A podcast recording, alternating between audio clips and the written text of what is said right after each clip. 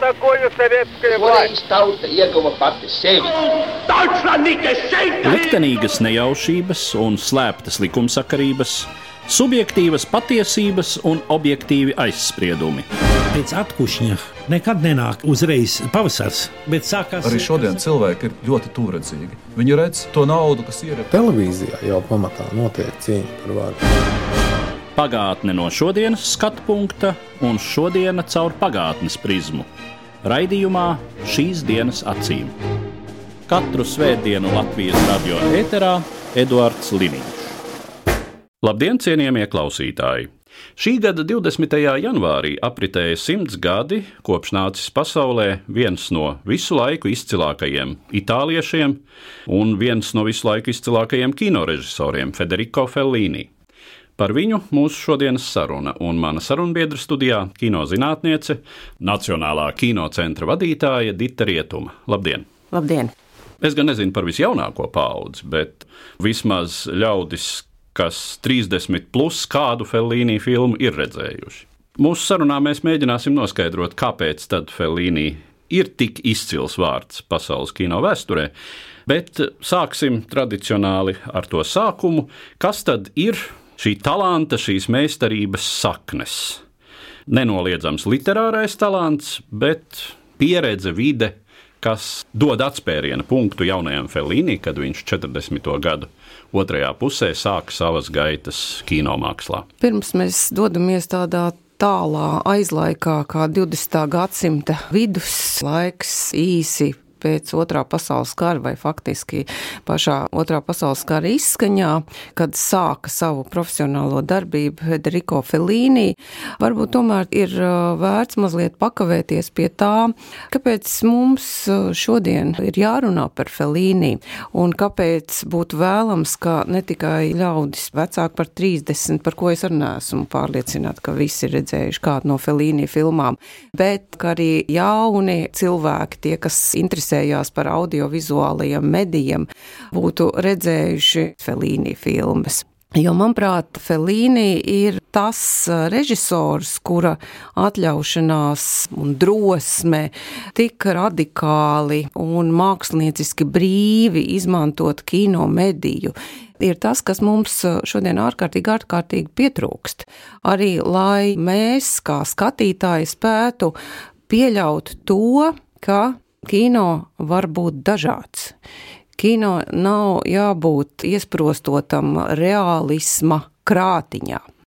Un, ja es drīkstu atļauties vēl tālāku ekskursu, tad jāsaka, ka par Felīnī es domāju, nu, gan tāpēc, ka man bija jāraksta rakstīņš kultūras dienai, un tas sakrita ļoti drīz pēc viestura kairīša filmas pilsēta pie upes pirmizrādes. Nu, un šķietam, nu, kāds tur sakars viesturs kairīšs un Federico Felīnī kurš nav ar mums kopš 90. gadu sākuma, un lasot arī sociālos tīklos diezgan tādas, nu, radikālo viedokļu sadursmes. Tas secinājums ir viens, ka mūsdienu skatītājs, lai cik kompetents un daudz pieredzējis viņš arī nebūtu, mūsdienu skatītājs intuitīvi grib vienkāršu filmu, filmu ar sakārtotu vēstījumu, filmu, kurā ir tikai viens realitātes slānis, filmu, kurā nav atkāpes nerealitātē, surrealismā, sapņos, vīzijās, depresijās, atmiņās, jo tik komplicēts narratīvs mūsdienu, daudzos izaicinājumos nogurušo un varbūt arī tādu īpašu kino izglītību negūšo skatītāju samulsina. Tāpēc mums vajag paplašināt savu priekšstatu par Eiropas kino dimensijām, par to, kāds Eiropas kino atļāvās būt 20. gadsimta 50. gados, 60. gados. Tas ir laiks, kad uzplauka Felīnī talants, lai mēs nenonīktu tajā iežmiegtajā realisma krātiņā. Jā, Fellini un realisms, tā, protams, ir milzīga tēma, jo galu galā virziens, no kura viņš izaug, tas ir itāliešu neoreālisms. Droši vien mums būtu vērts arī īsi raksturot, kas tad bija par kino virzienu, Tik tiešām Felīnija saknes ir neoreālismā, tā ir augsne, no kā izauga viņa talants, un neoreālisms, nu, ja man būtu tā īsi un konkrēti jādefinē, tas ir stilistiskais virziens pasaules un Eiropas kinematogrāfijā, kas aizsākās 20. gadsimta 40. gados, faktiski īsi pirms otrā pasaules kara izskaņas, un šis virziens ir saistīts ar ļoti vienkāršiem un skaudriem cilvēku stāstiem, Tas ir saistīts ar ļoti pieticīgām tehniskām iespējām veidot filmas. Tās ir skaudras drāmas par reāliem tā dēvētajiem mazajiem cilvēkiem, reāli normāli cilvēki tādu ļoti skarbu sociālu apstākļu gūzmā un gūstā. Tas ir neoreālisms. Par to viskaļāko neoreālismu sākumu filmu tiek uzskatīta Roberto Rossellini filma Roma atklāta pilsēta, un tā ir filma filma, pie kuras scenārista kapacitātē strādāja arī Felīni. Neoreālisma periods nebija īpaši garš, jo tikko beidzās Otrais pasaules karš, Tikko Itālija sāka atkopties no visām uh, ekonomiskajām traumām, neorealisms faktiski sāka vai nu izsīkt, vai transformēties. Un jau 40. un 50. gadu mijā mēs varam runāt vai nu par neorealisma komercializāciju, aizejot tautas komēdijas virzienā, kur filmējās slavenā Lola Brigita, vai mēs varam runāt par šīs neorealisma tradīcijas transformāciju spilgtā autorkīno. Un šeit šajā mirklī Felīnī kļūst mums ārkārtīgi interesants. Viņš attālinās no neoreālisma skarbā sociālā nerva un Viņš sakoncentrējās uz spilgtām individualitātēm, spilgtiem raksturiem. Te mēs varam pieminēt Felīnī pirmās slavenās filmas, tas ir Ceļš un Kabīrijas nakts, kas to 50. gadu sākumā. Un šīs ir filmas ar izcilu aktrisi, arī Felīnī dzīves biedri, Džulieta Mazīna galvenajās lomās. Jā, arī tās ir filmas par mazajiem cilvēkiem, ceļš stāst par meiteni, kuru māte pārdod vai atdod ceļojoša ķēžu rāvēja rīcībā, un arī skaudrs stāsts, kurā netiek izslēgti šie skarbie Itālijas sociāla-ekonomiskie apstākļi pēc otrā pasaules kara, bet tur ir kaut kas vairāk par šo sociālo apstākļu spiedienu, tur ir spilgts raksturs, spilgts aktierdarbs. Un jāpiezīmē, ka neoreālisma princips faktiski bija izmantot neprofesionālus tēlotājus un tikai reti galvenajās lomās izmantot aktīvu aktierus, bet uh, Felīnī savā veidā, savās pirmajās slavenajās filmās, Ceļš un Kabīrijas nakts, viņš respektē neoreālismu tradīciju, bet viņš ir aizgājis tālāk. Un Kabīrijas nakts, protams, ir brīnišķīgs darbs, kurā galvenā varone ir uh, Romas prostitūta Kabīrija lomā izcila Džulieta Mazīna, tā ir viņas labākā loma, un tas ir sīkstas, vitālas, sievietes portretējumus, kura nemitīgi saņem liktenes triecienus arī savas naivitātes dēļ. Bet, protams, izstāstot trīs teikumos, jebkuras filmas sižeti, notiek filmas brutāla vienkāršošana, jo Felīni filmas nav sižets, Felīni filmas ir stils. Un jebkuru filmu mēs varam analizēt kā narratīvu, kā sižetu, kā vēstījumu un to stilistiku, kādu lieto režisors un citi viņa kolēģi, arī filmas operators, mākslinieks un aktieri, lai iemiesotu šo narratīvu audiovizuālajā tēlā, ko mēs redzam uz ekrāna un kas tad ir tā filma. Runājot par šo metodi. Ja mēs definējam atšķirību starp uh, to, kas ir šis neoreālisms standarts un piesauktā, protams, Roma atvērta pilsēta un agrīnajiem Felīnī darbiem, tad uh, varbūt viens no būtiskiem momentiem ir attieksme pret varoni, pret personāžu. Un Felīni atstāja vērtējumu vai kaut kādu rezumē absolūti ārpus iekavām. Un tas ir tas, kāpēc tas vairs nav klasisks realisms. Tāda atkāpīta, ka, protams, Pateicoties tam, ka itāliešu neoreālisms ar saviem sociāli kritizējošajiem momentiem tā laika Padomju Savienībā tika uztverts kā progresīvs kino, rietumu progresīvais kino, tad, pateicoties tam Padomju Savienībā, šo to no Felīni arī redzēja. Vairāk nekā varbūt no daudziem citiem rietumu kino meistariem. Nu, piemēram, to pašu Ingūru Bergmanu daudz mazāk rādīja. Ingūns Bergmans padomju cilvēkam bija pārāk depresīvs. Diemžēl viņa filmas ir pārāk depresīvas arī kapitālismu nomāktajam cilvēkam. Bet uh, gan Bergmans, gan Felīnī pārstāv vienu un to pašu virzienu Eiropas kino 20. gadsimta otrajā pusē. Tas ir Eiropas modernisms un autorkino. Un tā tad tieši tas, kas tādā klasiskajā padomju estētikā tiktu saukts par naturālismu, vēstījums bez vērtējuma. Un līdz ar to ar tādu dzīves absurduma, likteņa nejēdzīguma bieži vien izjūtu. Ja mēs skatāmies, kas tad notiek ar Felīnu tālāk, par viņa radošo virsotni reizēm tiek dēvēta filma Saldāta dzīve. Tas ir 1960. gads. Itālija ir pamatīgi mainījusies. Itālija 50. gados ir piedzīvojusi tāpat kā Vācija savu ekonomisko brīnumu. Sabiedrība ir tikusi jau pie zināmā sociālā standarta. Tas viss arī ir šajā filmā, bet tas atkal ir fons.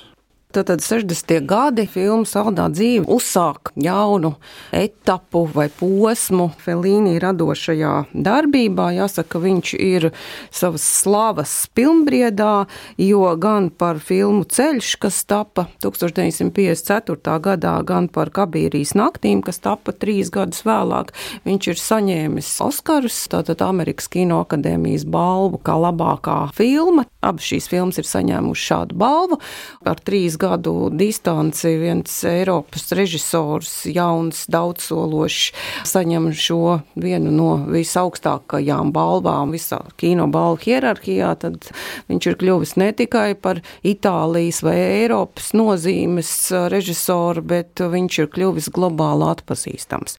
Un šie 60. gadi arī ir Eiropas modernisma uzplaukuma laiks. Kas ir modernisms? Tā ir reaģēšana uz visu jauno, un tā ir jaunu mākslas formu meklēšana, noliedzot klasiskos principus. Modernisms ir atrodams visās mākslas jomās, tikai gan literatūrā, gan varbūt citās mākslas jomās, glezniecībā. Šie modernisma virzieni viena darbi ir tapuši daudz ātrāk. Mēs nerunājam par 20. gadsimta 60. gadiem, bet atcerēsimies, ka kino ir jauna māksla, tā tad dzimusi tikai 19. un 20. gadsimta mijā, un apmēram pusgadsimtu mazliet ilgāk pēc šīs mākslas dzimšanas, tad ir nostabilizējusies klasiskā vēstījuma tradīcija, ir nostabilizējušies tie principi, kurus mēs varam dēvēt par realistiskā vēstījuma principiem. Padomju Savienībā triumfē sociālistiskais realisms, Amerikā triumfē Holivudas klasiskais stils, kas būtībā ir sakārtots likuma kopums, kā var izstāstīt stāstu kino valodā. Kam pamatā ir Aristoteļa poētika? Jā, jā klasika, klasika, jā. jā. Un tad nāk jauni drosmīgi cilvēki, kas mēģina atrast citu veidu, kā arī veidot mākslas darbus, kā šajā gadījumā veidot filmas. Un jāsaka, ka Felīni ir ļoti cieši saistīts ar jēdzienu autorkino, un 1960.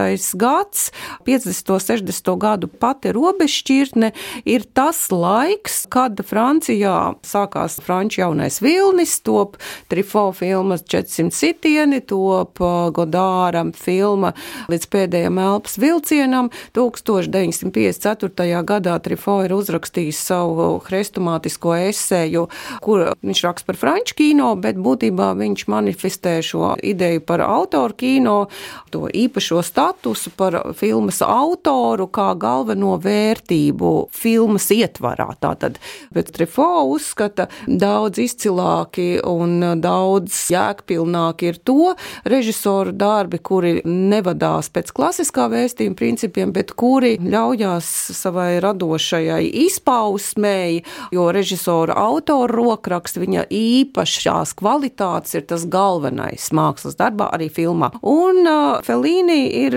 spilgts šīs teorijas iemiesotājs savā radošajā darbībā. Jo, teiksim, arī filma Saldā dzīve, 60. gada darbs, tātad ir ne tikai liecība par to, ka kaut kas ir ļoti strauji mainījies Itālijas sociāla-ekonomiskajā situācijā, ka ir radusies Itālijas elite, radošā elite, bohēmiskā elite, kura piedzīvo savu veidu eksistenciālo krīzi, nespējot izbaudīt visas iespējamās piedāvātās baudas. Es tā ļoti īsi un kompakti mēģinu notvert to sajūtu nervu, kādu piedāvā saldā dzīve.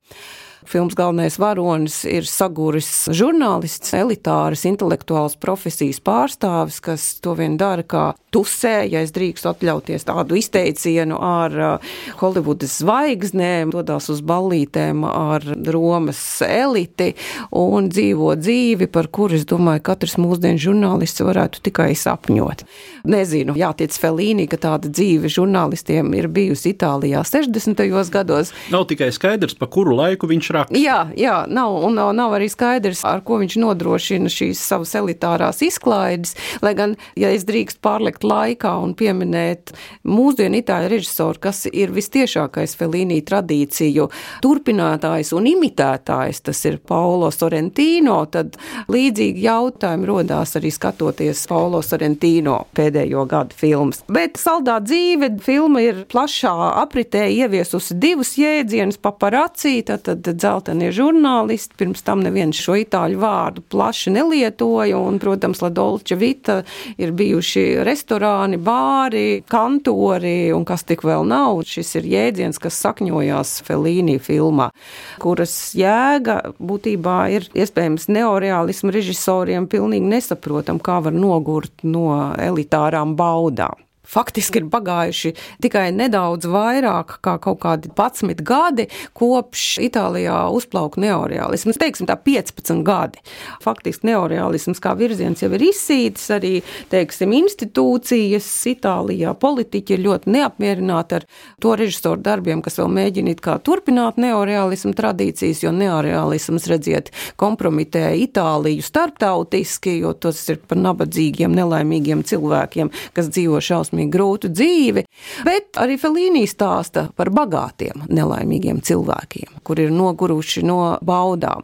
Un šī ir filma, kurā pirmo reizi ar tādu ļoti māksliniecisku briedumu ienāk šis Felīnī stils. Tātad vēlme atverzīties no realisma, lietot sarežģītu narratīvu, izmantot dažādas atkāpes laikā, izmantot sapņu, sajūtas vai ainas. Šī tendence kulminēs viņa filmā 8,5, kas taps 1963. gadā. Tas būs viss šis komplicētais, sarežģītais Felīni ar ļoti tādu radikālu radikāli veidot vēstījumu, bet tādas iezīmes ir arī filmā Saldā dzīve, kur sāks ar ļoti tādu jēdzieniski daudznozīmīgu tēlu, tad, tad Kristus statuju par baudās un eksistenciālā krīzē nonākošo Romu vai Romas elites iedzīvotājiem filma 8,5, kas top 1963. gadā. Manuprāt, Felīnī karjeras un radošās darbības kulminācija man tā šķiet izcilākā viņa filma. Felīnī ir 40 gadnieks, viņš ir radošajā pilnbriedā, bet kur pilnbriedz tur krīze? To mēs zinām. Mākslinieka dzīve ir tāds trausls mehānisms, un 8,5 ir Felīnija krīzes filma, kāpēc šāds nosaukums tā ir viņa astotā filma, un viņš vēl ir līdz tam uzņēmis īsmetrāžas filmu, tad tā ir astotā ar pusi filma, ko viņš veido kā režisors, un šī ir viņa vispersonīgākā filma, kurā viņš ļaujās ārkārtīgi dāsni spoguļoties filmas galvenajā varonī. Galvenā varoņa vārds ir Vido Anselmi, viņš ir režisors, un šo lomu tēlo izcils itāļu aktieris Marcello Mastrojāni, kas būtībā ir Felīni alter ego. Nu, viņš personificē šo režisoru būtību vairākās Felīni filmās, sākot jau no, starp citu, saldās dzīves. Un un turpinot vēl vairākos darbos. Un šis ir tas autorības un modernisma triumfs Felīnī Dairadē, kas savienojās ar viņa paša iekšējās krīzes sajūtām. Manuprāt, absolūti ģeniāls ir filmas sākums ar šo sapni vai dīvaino epizodu, kurā galvenais varonis jūtās klaustrofobiski iesprostots tādā satiksmes sablīvējumā, un pēcāk viņš ir kaut kur padebešos, un tad viņš krīt no padebešiem jūrā. Tas ir surreālisms, ar ko Felīnī sāk savu filmu sapņa veidolā, un pēcāk tiek video mēģinājumi atrast savu identitāti un sākt radoši atkal darboties. Ļoti bieži novirzās no tā realistiskā narratīva as un dodās sapņos, vīzijās, murgos un tā tālāk un projām. Un šī nu ir tā filma, kuru parādot mūsdienu skatītājiem bez īpašām priekšzināšanām. Skatītājiem nav viegli, to es zinu arī no studentiem. Kādreiz mēs skatījāmies ar studentiem šo filmu pilnā garumā. Šīs Felīni filmas ir ap trīs stundām, tātad tās ir arī ļoti pamatīgas. Un skatītājs bez pieredzes, skatītājs, kas ir audzis uz ļoti vienkāršotajiem amerikāņu kino stāstiem, viņš šajā stāstā pazūd. Viņš nesaprot, kas notiek. Un tāpēc Felīnija mums ir aktuāls. Man tāda doma ienāca prātā, ka gandrīz vai tā kā ir tie, kuriem garšo tēja un tie, kuriem garšo kafija. Vai nav tā, ka Felīni cienītāju vidū ir, teiksim, saldās dzīves cilvēki un ir amarkorda cilvēki? To man grūti komentēt, jo man liekas, tā paudze, kas skatījās izcilos Mihaila Savisko raidījumus Latvijas televīzijā. Es no bērnības atceros vairākus raidījumus, kur Savisko kungs stāstīja par Felīnī filmām, gan par Amarkordu, gan par kuģi spēldu. Tas liecina, ka Felīnī tiešām bija tas režisors, par kuru runāja arī aiz dzels aizskara. Amarkorda ir filma, kas uzrunā daudzus, kaut vai tāpēc, ka tās ir sava veida veida nostalģiskas bērnības atmiņas. Jā, modificētas, protams, arī, man liekas, tur ir kaut kāda laika nobīda ar paša Felīnija pieredzi. Šī filma tiek uzskatīta par Felīnija stāstu par paša bērnību mazā Itālijas pilsētiņā, kā zināms, viņš piedzima Riminī, un iespējams šī ir vienkāršāka filma, tātad stāsts par pusaugu jauniešiem, viņu attiecībām ģimenē, viņu juteklisko, erotisko nobrīdu ieviešanu, viņu jūsmīgajiem, nu, nosauksim tādas jauneklīgās iekāras vai sajūsmas objektiem, tādas izsmalcinātas sievišķības veidolā un arī hipertrofētas juteklības veidolā, ko personificē prostitūta. Tā ir smeldzīga, traģikomiska, smieklīga, aizkustinoša filma ar tādiem komiski jutekliskiem akcentiem. Tā kā es pieļauju, ka šai filmai noteikti ir lielāka auditorija, lielāks cienītāja loks. Mēs jau te sākām iezīmēt šos Felīni Dairadas kilometru stabiņus. Vai ir kāds vispār pieņemts Felīni radošā mūža etapējums? Būtībā jau jā, tā jau tie mākslas aprakstnieki un kino teorētiķi atļaujās krāšņus, izcilus, ģeniālus māksliniekus sadalīt pa posmiem. Un nav brīnums, ka pēc radošā pilnbrieda sākās, mēs neteiksim, ka tā ir stagnācija. Felīni gadījumā to noteikti tā nevar teikt, bet sākās variācijas par tēmu. Bet tas ir arī tāds autora kino princips, ka tāpēc jau režisors ir autors, ka viņam ir kaut kāda noteikta paņēmiena palete, kurus viņš izmanto no filmas filmā, variējot. Un varētu teikt, ka pēc neorealisma perioda, pēc 50. gadu slāvas vai izlaušanas, izlaušanās periodā, aizejot no neorealismu nostabilizējoties autoru kino nišā. 60. gados Felīni izbauda nu, jau tādu nogurumu no sasniegtā, un arī viņš būtībā demonstrē augstu profesionālismu visā, ko viņš dara. 70. gados top tādas Felīnī brieduma filmas un varbūt arī tādas liega noguruma filmas. Top amarkords, par kuru mēs jau runājām, atgriešanās bērnībā, top tādi mazliet arī teatrāli, karnevāliski, no nu, tādi jutekliskās vai erotiskās identitātes meklējumi, ja tā var teikt, piemēram, Felīnī Kazanova, 76. gada filma. Ļoti dīvaina filma ir 1900. 780. gada filma Sieviešu pilsētu.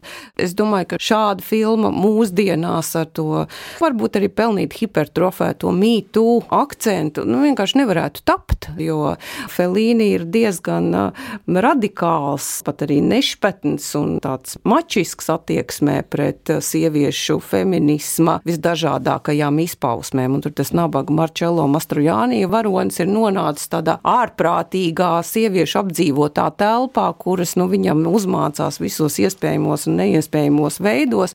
Bet uh, Felīni visu šo saglābi, protams, padarot to visu par sapni. Sapnim nav noteikumu, tā kā feministis varētu arī nekliegt, bet būtībā mēs varam runāt par to, cik daudz kas ir mainījies.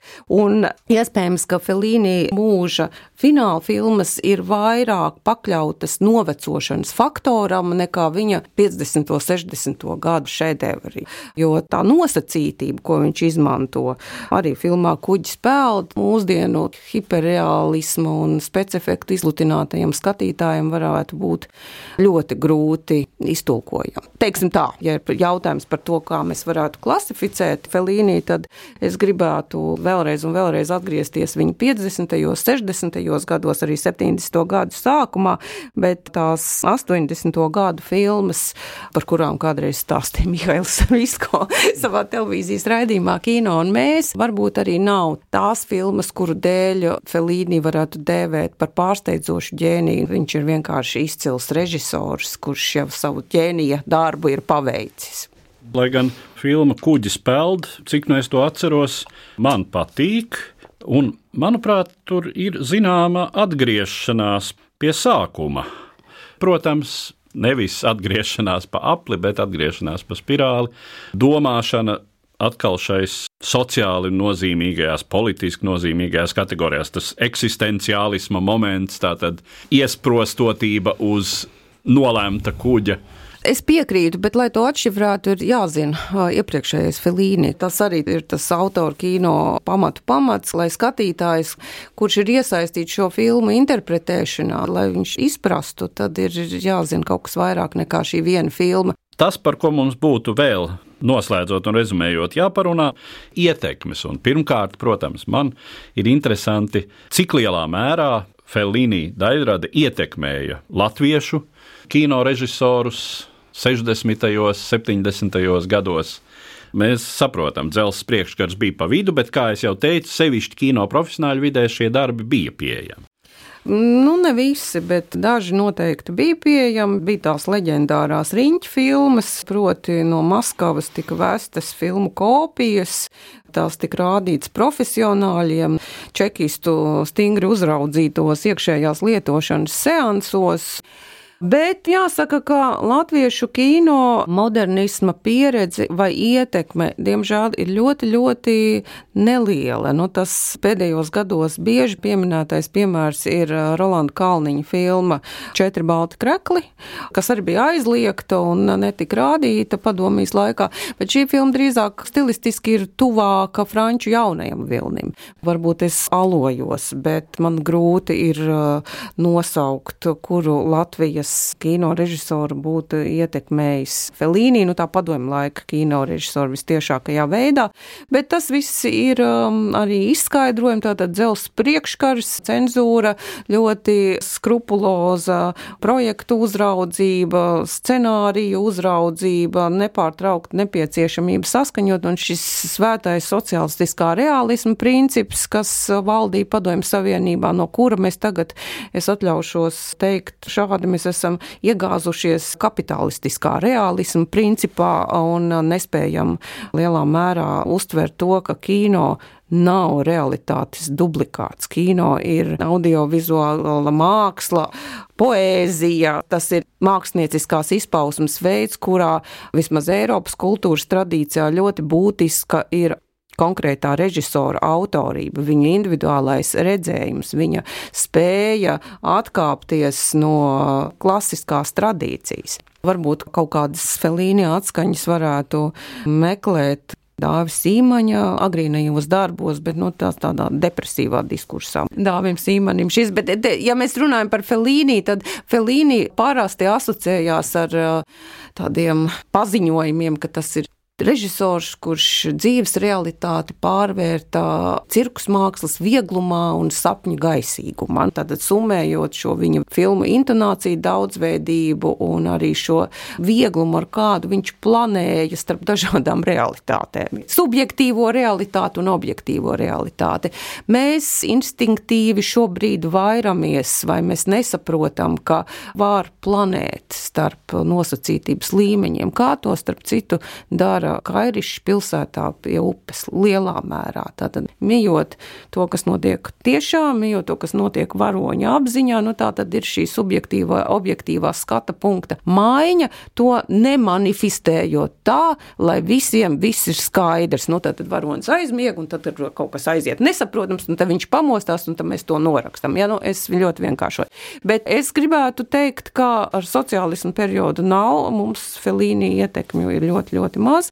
Mūsdienās tātad šis mēģinājums izkāpt no kaut kāda narratīva rāmjiem, tā realistiskā varētu būt šī jaunākā kairiša filma, un, protams, autora stila tradīcija Latvijas kino ir stipra, tāpēc, ka Latvijas kino ir Eiropas kino sastāvdaļa. Tas nekas, ka mēs esam dzīvojuši socialistiskā realisma diskursā ļoti, ļoti ilgi.